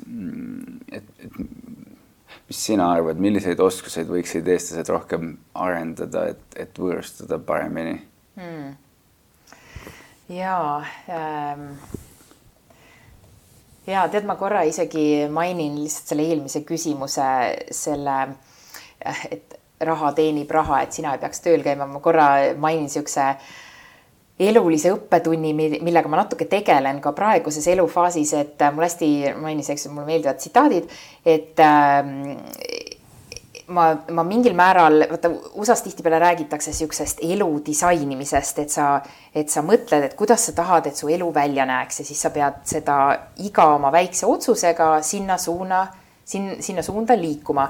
ja kogu see, et äh, eesmärk on mitte käia tööl, äh, see mingil määral ongi mind viinud sellisesse kohta elus, kus ma ütleme, igapäevaselt ei pea kaheksast viieni tööl käima, ma ikkagi teen tööd, aga hästi palju omal ajakaval. aga vot see ongi niisugune irooniline paradoks, et ma läksin Mainorisse oma magistrit tegema siin paralleelselt sügisel ja see oli nii huvitav mingis enesearengu tunnis. Me tegime, vaatasime nagu erinevaid eluvaldkondi ja kõik minu koolikaaslased ütlesid, et nad oleks õnnelikumad, kui neil oleks rohkem vaba aega mis on hästi loogiline, kui inimene käib tööl, et tal on pere ja palju kohustusi, et kui tal oleks rohkem vaba aega, siis ta oleks õnnelikum. ja mina nagu oma, omaette mõtlesin, mõtisklesin, et Jeerum, et minul on just võrdlemisi palju vaba aega ja mul on äkki seda vaba aega nagu liiga palju, et ma ei suuda seda ära sisustada. et see on niisugune peaaegu et eksistentsiaalne probleem, järjekordselt see, et nagu mõtle, mida sa elus tahad, et sa võid selle tegelikult kätte saada. siis sa pead nagu sellega tegelema, nii et mul ongi nüüd, mul on suhteliselt palju vaba aega, mis on noh jumala õnnistus ju tegelikult paljud inimesed äh, sooviks, sooviks ka niimoodi elada, aga mina praegu vaatan, et kuidas võimalikult aktiivselt oma aega sisustada ja produktiivselt ja kuhu seda energiat suunata, aga noh, samas ma ei äh, virise ka, et täna kell kaksteist ma mängisin rannatennist, mis ja üleeile ka keset päeva, nii et kõik on okei okay,, aga samas äh, tuleb, tegelikult inimene ikkagi tahab ennast teostada, tahab, et teda oodatakse kuskile. Ja et tal oleks kuuluvustunne, mis on võib-olla niisugune hea sild sinu küsimusele, et see inimeste kokkukutsumine ja miks eestlane võib-olla ei ole selles väga tugev. ja tead, ma olen selle peale hästi palju mõelnud, et äh, eestlane jah, kuidagi selline eraklik, eks ju. Äh, ta ei taha kellelegi teisele varba peale astuda, ta ei taha, et niisugune personaalne space on hästi tähtis, et mina elan oma talus siin, sina elad oma talus seal mäe teisel pool ja noh, näeme pühapäeval kirikus piltlikult. aga jah, eestlases on võib-olla natuke ähm, seda soojust võiks rohkem olla, uudishimu, isegi mitte halvas mõttes, uudishimu on vahel niisugune halb sõna, aga noh, kasvõi, kasvõi näide minu äh, naaber äh, Pirital on kaheksakümne kuue aastane vanaproua äh,, kes on üliäge ja nii rõõmus ja nii tore. tema tütar ähm, elab Roomas, töötab Eesti saatkonnas, hästi-hästi äge inimene. ja see kaheksakümne kuue aastane proua elab, elab, eks ju, minu kõrval ja tavaeestlane on niimoodi, et mina elan oma majas, tema elab seal oma majas. aga olid siin jõulud, olid mu isa sünnipäev. loomulikult ma helistan talle, et, et äh, proua Aave, kas teil on kuskile jõulude aeg minna äh,. Muidugi ma kutsun ta endale külla, selle asemel, et see inimene on üksinda, veedab jõulud seal, et minu jaoks see on nii nagu loomulik ja elementaarne, et, et sa kaasad inimesi enda ümber, eriti veel noh, me sinuga eraldi siin enne podcast'i rääkisime nagu vanade inimeste nagu elukvaliteedist ja üldse inimpsüühika, inimene tahab kuuluda kuskile, ta tahab olla vajalik, ta tahab, ta tahab seda seotuse tunnet, et keegi hool, hoolib temast ja tema saab kellestki hoolida, ma arvan, et see on niisugune fundamentaalne inimvajadus. ja, aga vot eestlasel seda väga naturaalselt ei ole äh,. kuigi ei saa ka nagu üldistada, et Eestis on nagu superägedaid kaasavaid inimesi, kes teevad fenomenaalset tööd siin, kas iganes vanuritega, lastega, lastekodulastega. aga ütleme niimoodi ühiskondlikult me oleme suhteliselt sellised äh, natuke võib-olla liigselt individualistid, et igaüks oma orus ja umbes saa, saa ise hakkama, kuidas, kuidas sina naaber saada hakkama, et see on äh, võib-olla noh, natuke kurb, ei taha nagu liiga pessimistlik olla, aga äh, sellises ameerikalikus kogukonna elus ja kindlasti India, Indias, kus äh, võib-olla inimesed on liiga palju üksteise nagu asjades sees, aga seal on hästi palju ilusat ka sellises äh, perekondlikus ja ühiskondlikus kokkuhoidmises. Mm. -hmm sa varem ütlesid, et sul on, sa oled endale kätte teeninud teatud vabaduse, ehm, et sa saad otsustada, mida sa, mida sa ise tahad teha, nüüd sa läksid äh, uuesti kooli. mida sa veel elus tahaksid teha mm.? mis ma veel elus tahaks teha ja tead, see on, see on huvitav äh, küsimus, ma olen nelikümmend praegu ja kui ma kooli läksin, siis äh, muidugi oli selline suur küsimus, et issakene, et ma olen nii vana, et kas ikka, mis ma ikka sinna kooli nüüd lähen, et äh, mis ma ikka jõuan veel teha. ja siis ma rääkisin ühe oma hea sõbraga, kes, äh, kes on, ma ei teagi täpselt mitu kraadi, tal on mingi Oxfordi kraadiga, doktorikraadiga sihuke statistik ja tema töö ongi arvutada niisugust inimelu pikkust ja ta arvutab riikidele ja suur-suur korporatsioonidele nagu nende pensionisüsteeme. Tema ütles mulle, et Diana, et mis asja, et neljakümnesed kooli, et, et meie väga tõenäoliselt elame viiskümmend, võib-olla viiskümmend viis aastat veel. Et sa mitte ainult praegu ei peaks kooli minema, aga juba planeeri ette, et sa peaks tegelikult iga aasta ütleme kümme protsenti oma sissetulekust panema haridusele, et sa jõuad veel kolmel, kolm eri karjääri teha. ja see oli hästi huvitav, peaaegu et nagu hirmutav vaatama, et issakene viiskümmend aastat veel elada, et noh, väga realistlikult me elame, eks ju, üheksakümmend, üheksakümmend viis, meditsiin ja noh, kaasaegne turvaline, turvalisem elu. Ähm, et äh, jah, ma läksin jah kooli tagasi lihtsalt, et, äh, et õppida, ähm, ka eesti keelt harjutada, vaata, ma ei ole peale keskkooli eestikeelses kontekstis äh, ega töökeskkonnas üldse eesti keeles ol, olnud. nii et äh, läksin jah minorisse lihtsalt sellist üldist äh, inimressursside juhtimist õppima.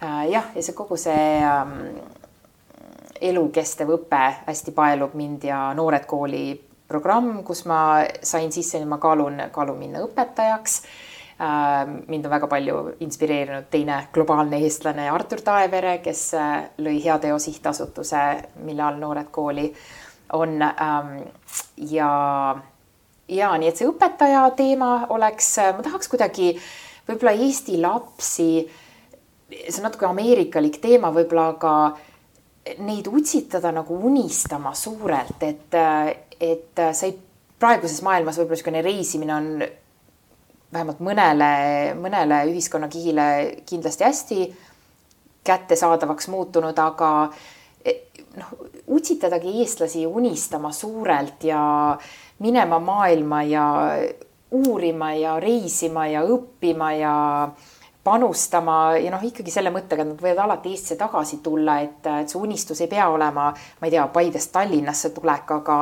miks mina ei julgenud Harvardisse või Princetonisse kandideerida, sest mul ikka niimoodi, et noh, mis nüüd mina, et need on suured koolid seal kaugel, targad inimesed. aga noh, okei okay,, valisin äh, teise Ivy League'i ja näed, sain, sain sisse, et miks, miks ei võiks äh, inimene, äh, Põlva keskkooli õpilane saata oma paberid Stanfordi, et nagu miks mitte, ma olen jumalast kindel, et õigesti mõeldes, õigesti need avaldused tehes ka Põlvast võib inimene Stanfordi minna ja vaata, mis kõik maailmas on lahti. et ma tahakski, ütleme, kui ma lähen õpetajaks, ähm, tahaks kuidagi noh, see muidugi sa pead oma ainet seal õpetama, aga natuke niisugust nagu inimese õpetust ja elu, eluõpetust äh, tahaks edasi anda. ja noh, minu suur niisugune täiskasvanuea passion on äh, psühholoogia üldse mõelda, et kuidas inimene mõtleb, miks me midagi teeme, kuidas me tunneme oma emotsioonid, kogu noh, see vaimne, vaimne tervis, et see ka ütleme, kui ma, kui ma läheks õpetajaks, et, et äh, täitsa äge oleks panustada sellisesse haridusreformi, et noh, see on väga tore, et me tuleme koolist välja ja teame, kuidas mingi keemiline katse toimub või mis äh, leherootsu struktuur on, aga me ei tunne tihtipeale iseennast, me ei tea, milles me tugevad oleme, milles me võiks areneda, me ei tunne oma emotsioone, me ei oska neid väljendada. et äh, ja ma tegelikult oleks tahtnud magistrit teha psühholoogias, aga Eestis sa ei saa magistrit teha, kui sul bakat ei ole psühholoogias.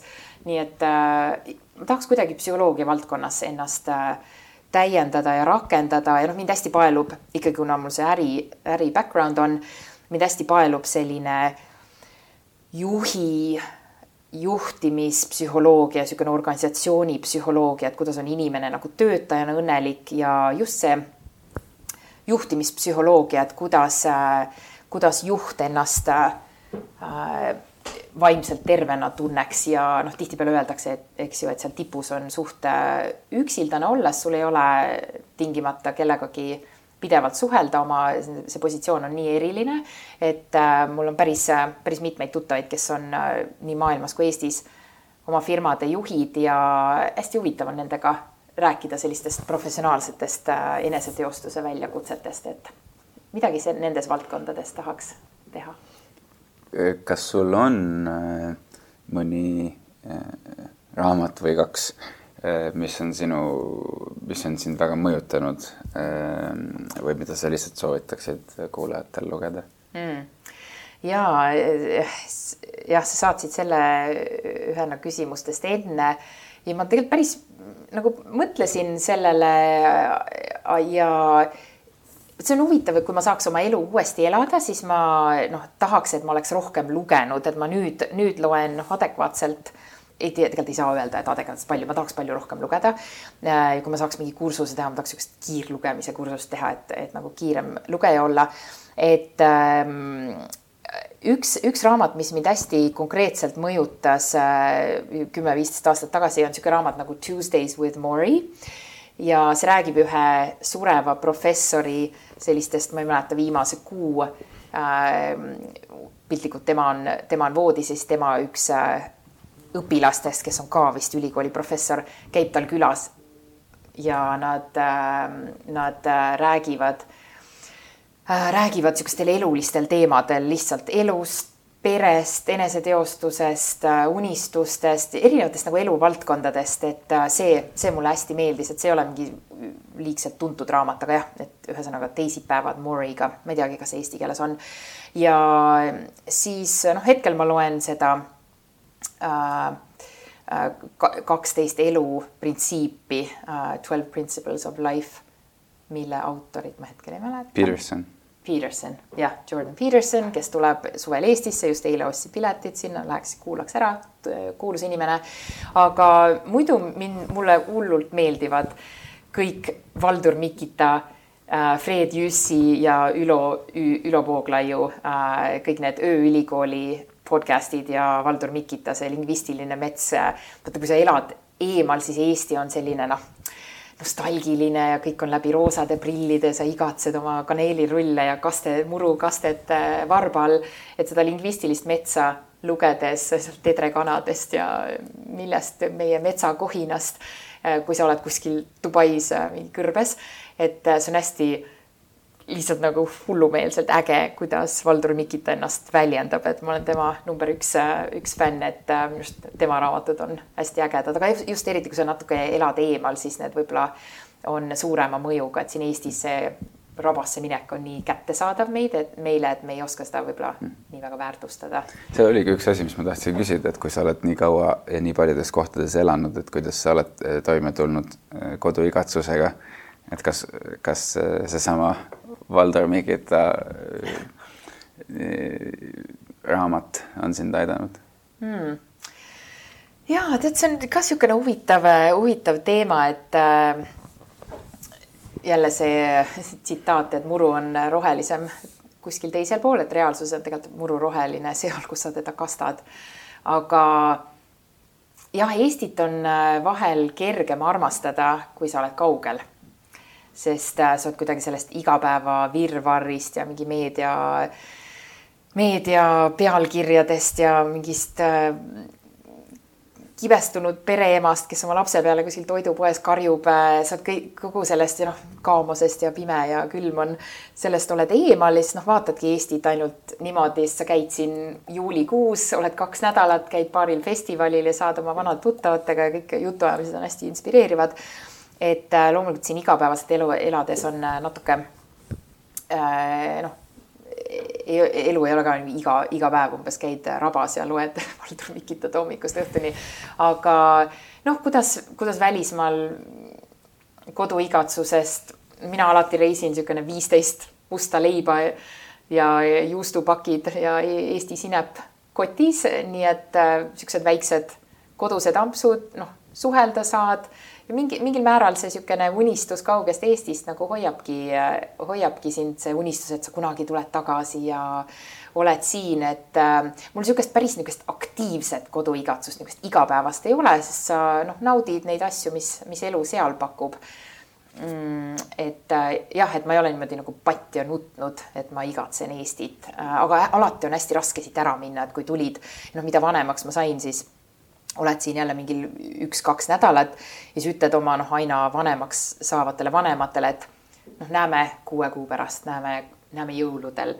siis ongi niimoodi, et appi nagu see ei ole normaalne nii, nii kaugel elada, et siis mingi hetk oligi nagu igatsus, kuigi me ei tulnudki nagu Eestisse tagasi, ma tulin, läksin lihtsalt Indiast ära, kuna koroona tuli peale.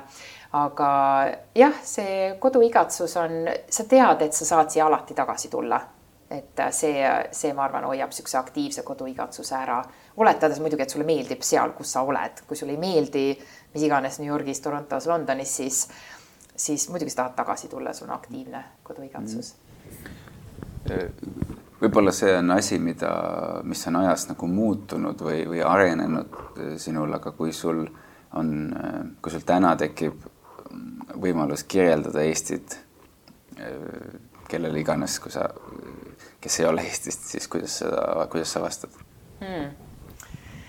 Eh, ja ehm, no mina alati ikkagi toon seda, ma toon tegelikult, võib-olla see on natuke Ameerika kontekstis, aga ma toon välja need üks-kaks asja, mille pärast eestlane, kes ei ole avalikult protesteeriv rahvas, nii nagu ameeriklane, kes läheb iga asja peale tänavale või prantslane, aga eestlane läheks tänavatele, kui äh, on ohus meie metsad, meie loodus, meie jõgede puhtus ja selline loodus, nii et ma äh, toon alati välja selle, et me käime seeni korjamas, et me käime rabas ja seal on äh, jõhvikad ja noh, mustikaid korjame. Ja ma nii mäletan, kas ma, mul käis üks Kanada sõbranna oma kaheksakümne aastase isaga külas, kes on ümber maailma elanud, Kanada diplomaat. Ja me käisime kuskil metsas ja ma siis korjasin neile peotäie mustikaid ja andsin, andsin neile, et näete, sööge. siis nad oi-oi, et need peaks ära, ära pesema. Ja mul niimoodi, et mis asja, et ei, ei pea ära pesema, et need ei ole, et nagu poemustikad on märksa mustemad kui meie metsamustikad. et äh, see, see natuke näitabki niisugust eestlast, et me käime metsas ja iga, iga kolmanda asja nagu pistame endale suhu ja kui teed, teepakki pole kaasas, siis vaatad pärnaõied need lähevad kohe või mingid kuuse, kuuseokkad, need paned kohe kuuma vette, et, et me oleme see, ma alati kirjeldan seda, et me oleme sellised ühelt poolt äh, niisugused IT digimaailma ees, eesrindlik rahvas ja samas me oleme ühe jalaga oma kummikutega seal kuskil äh, rabas ja taluõuel ja see on täiesti, täiesti normaalne, nii et ma kirjeldan seda niisugust ähm, looduslähedust, mis noh kahjuks aina urbaniseeruva äh, rahvana me noh, lapsed, eks ju, kaugenevad sellest, aga äh, see võiks kindlasti kuidagi muutuda, et me oleks rohkem oma loodusega kontaktis mm. -hmm see on nüüd veidi utopistlik küsimus, see ongi mõeldud sellisena, et, et kui sa saaksid ühe asja Eestis üleöö paremaks muuta, siis mis see oleks? tead, ma isegi tooks välja, ma natuke mõlgutasin mõtteid selle peal ja siis isegi täna, tänane päev Ähm, tõi selle jälle, jälle välja.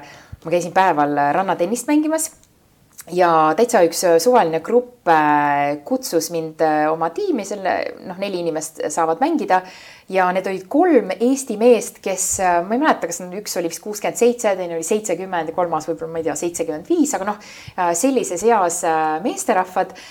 ja see oli see oli nagu nii äge, kui positiivsed ja aktiivsed nad olid ja noh, mina nendest poole vanema nagu naisterahvana ma nägin ennast pidevalt, kui nagu pall läks kuskile välja või oli mingi hea löök, ma nägin ennast neid kiitmas. ja noh, ikka ütlevad, et oh, tubli ja see järgmise korraga paremini, oo, see oli väga hea nagu pingutus. ja ma arvan, neile hästi see meeldis ja see tuleb minule kuidagi naturaalselt, äh, et nagu väärtustada teise inimese nagu panust. nii et mina oma nagu äh, väljenduses äh, päris palju ütlen, et ma olen su üle uhke, vau, sa oled nii tubli, et oh, see on nii äge, et sa, et sa seda teed, et äh, ma nagu kiidan. ja nii palju, kui ma olen oma noh, tutvusringkonnaga rääkinud, minu arust meie põlvkonnal ja minu, minu teada isegi praegune põlvkond võib-olla seda liiga aktiivselt ei tee, aga me, me, me nagu ei kiida ega tunnusta üksteist piisavalt, et selline et noh, tead, tee tööd, siis tuleb armastus ja kes kannatab, see kaua elab, et natuke sellised põlvkonna või äh, meie ühiskonna eestluse mustrid kuidagi toetavad niisugust rasket rügamiselu versus sellist natuke kergemat positiivsust, nii et kui ma saaks Eestis midagi muuta, siis äh, kuidagi tahaks sellist äh, natuke kergemat, kergemat ja sõbralikumat suhtumist üksteisele, et kasvõi noh, jälle see on mega suur klišee ja Ameerikaga kasvõi nagu natukene naeratamine, noh, see on niisugune klišee jälle see kassapidajale, kes saab vähe palka ja on pikad töötunnid. aga mõnele vanainimesele tänaval naeratamine võib-olla võib-olla ta pole, ma ei tea, nädalaid näinud kedagi naeratamas, et kui sa talle naeratad, lihtsalt vaatad silma, et ma näen sind te olete tore, nii armas, tulete poodi siin tuta-tuta, et jumalast libe on, eks ju, et äh, naeratad, ütle mingi hea sõna, et kuidagi selline positiivsust ja kergust võiks natukene rohkem olla, et see oleks kuidagi kõigil kerge siin pimedas. ja viimane küsimus, mis äh, puudutab siis äh, Eesti, Eesti tulevikku, õigemini järgmist sadat aastat, sest, sest ma, ma ei tea, kus sa olid, kui Eesti Vabariik tähistas sajandat sünnipäeva noh, sellest on nüüd neli aastat küll möödas, aga aga kui sa mõtled järgmisele sajale aastale, siis mida, mida sa tahaksid näha, et Eestis juhtuks või mis oleks sinu soov Eestile järgnevaks sajaks aastaks? tead, ma pean ikkagi tooma äh, vastavalt oma elukogemusele ja Indias elatud ajale ja Dubais äh, selle looduse säilitamise sellepärast, et mul äh, üks äh, hea sõber Kristjan korraldab äh, kui ta Eestis on, muidu elab ümber maailma, korraldab selliseid äh, turismireisikesi äh,, ütleme Lääne-Virumaal äh, rabadesse ja mõisadesse. ja ma käisin temaga kaasas äh, ühel matkal ja me läbi, jalutasime seal läbi, läbi metsa kuskil ja seal oli üks saksa turist, vanem mees, võib-olla niisugune kuuskümmend, kuuskümmend viis ja ta täiesti noh, me jalutasime seal, ma kuidagi rääkisin temaga, olin ta kõrval, vaatasin, et ta vaatab seda metsa meie ümber ja tal on täiesti nagu pisarad silmis. ma ütlesin, et aa, et kuidas sa tunned ennast, kas sulle meeldib see tuur ja siis ta ütleb, et et vau wow,, et Saksamaa, noh, ma ei tea täpselt, mis, mis liiduvabariigist ta seal pärit oli, aga ta ütles, et meie võtsime nii palju oma puid maha ja kuidagi istutasime valed puud asemele ja nad on hästi haiged, nad ei saa hakkama, meil ei ole sellist nagu metsa. ja ta käis meie selles noh, tavalises metsas, mida me eestlastena võtame nii iseenesestmõistetavana tihtipeale ja ongi niisugune vanem saksa mees käib nagu pisar silmis meie metsas, et vau, et teil on niisugune ürgne loodus. Ja ma olen sama asja kuulnud noh, belglastelt, hollandlastelt, et et säil-, et nagu tõesti hästi-hästi teadlikult me mingil määral ikkagi teeme seda juba praegu, sest eestlane on ikkagi hästi looduslähedane, aga veelgi teadlikumalt säästa neid metsasid, jõgesid, niitusid, kogu seda loodust, mis meil on, sest see on erakordselt haruldane, eriti kui sa liigud maailmas ringi ja sa näed, kui vähe on naturaalset randa, naturaalset metsa. Äh, et see on nii inimkätega nagu ära, ära kas siis noh, India põhjal reostatud, Indias on imeilusat loodust muidugi äh, õnneks on, aga ma tahaks, et saja aasta pärast ma ausalt öeldes näeksin, et sul tuleb vaat see Jaapani nagu metsakümblus, äh, kogu see kontsept, et ma näeksin et äh, kuidagi peab mõtlema, et eestlane võiks ikkagi oma loodusest tasuta saada, aga ma näeksin, et siia tuleb belglane, tuleb ameeriklane ja noh, piltlikult äh,, miks peab muuseumi pileti eest kakskümmend viis eurot maksma, et ma arvan, et siia võiks Lääne turist tulla ja rabasse matkama minek äh,. kui selleks on raha vaja nende metsade hoidmiseks, siis, siis olgu seal pileti hind, et turist maksab selle eest, sest see on niivõrd väärtuslik et sa maksadki pileti hinda saja aasta pärast, et sa, et sa näeksid puhast raba ja puhast metsa ja puhast äh, koske kuskil, et, et äh, kui selleks on pilet vaja osta, et siis maailm tulebki Eestisse, et näha viimast, no loodetavasti ei ole maailm nii hull saja aasta pärast, aga ma loodan, et Eesti on, on jätkuvalt niisugune puhas, looduslik äh,, ilus koht. Diana, aitäh, et sa võtsid aega äh, siia saatesse tulla, jagada oma elu, oma eluteed ja, ja jagada kõiki neid kogemusi, eh, mida sa oled kogenud kuulajatega ja soovin sulle kõike, kõike paremat edaspidiseks mm,. aitäh, super tore oli. head kuulajad, te kuulasite saatesarja Globaalsed eestlased ning meil oli külas Diana Ots. teiste saadete kuulamiseks külastage meie veebilehte globaalsedeestlased.org ja kui teil on mõtteid või ettepanekuid, siis kirjutage meile aadressil globaalsedeestlased.gmail.com. Kuulmiseni